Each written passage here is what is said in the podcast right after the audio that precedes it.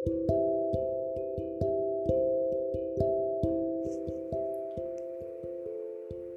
dibilang dua minggu ini adalah masa kalut dan galau sekali. Saya baru merasakan bahwa kalimat kamu tidak bisa mengendalikan hal-hal di luar dirimu itu sekarang. Rencanamu mungkin baik, namun Tuhanlah yang berhak menentukan. Awalnya pasti ada penolakan akibat kekecewaan karena kamu mendapati realita yang tak sesuai harap. Ya harapmu bisa mudah, tapi kenyataannya ya gitulah. Kamu udah usaha dan berdoa sama Yang Maha Kuasa.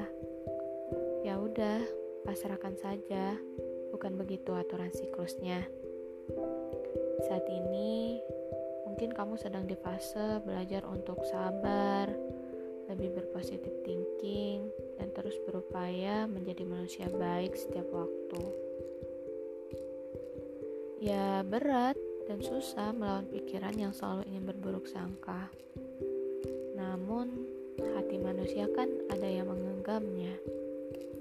Jadi terus langitkan doa untuk merayu pemiliknya agar ia dilembutkan hatinya, dibisikkan telinganya, digerakkan sikap dan perilakunya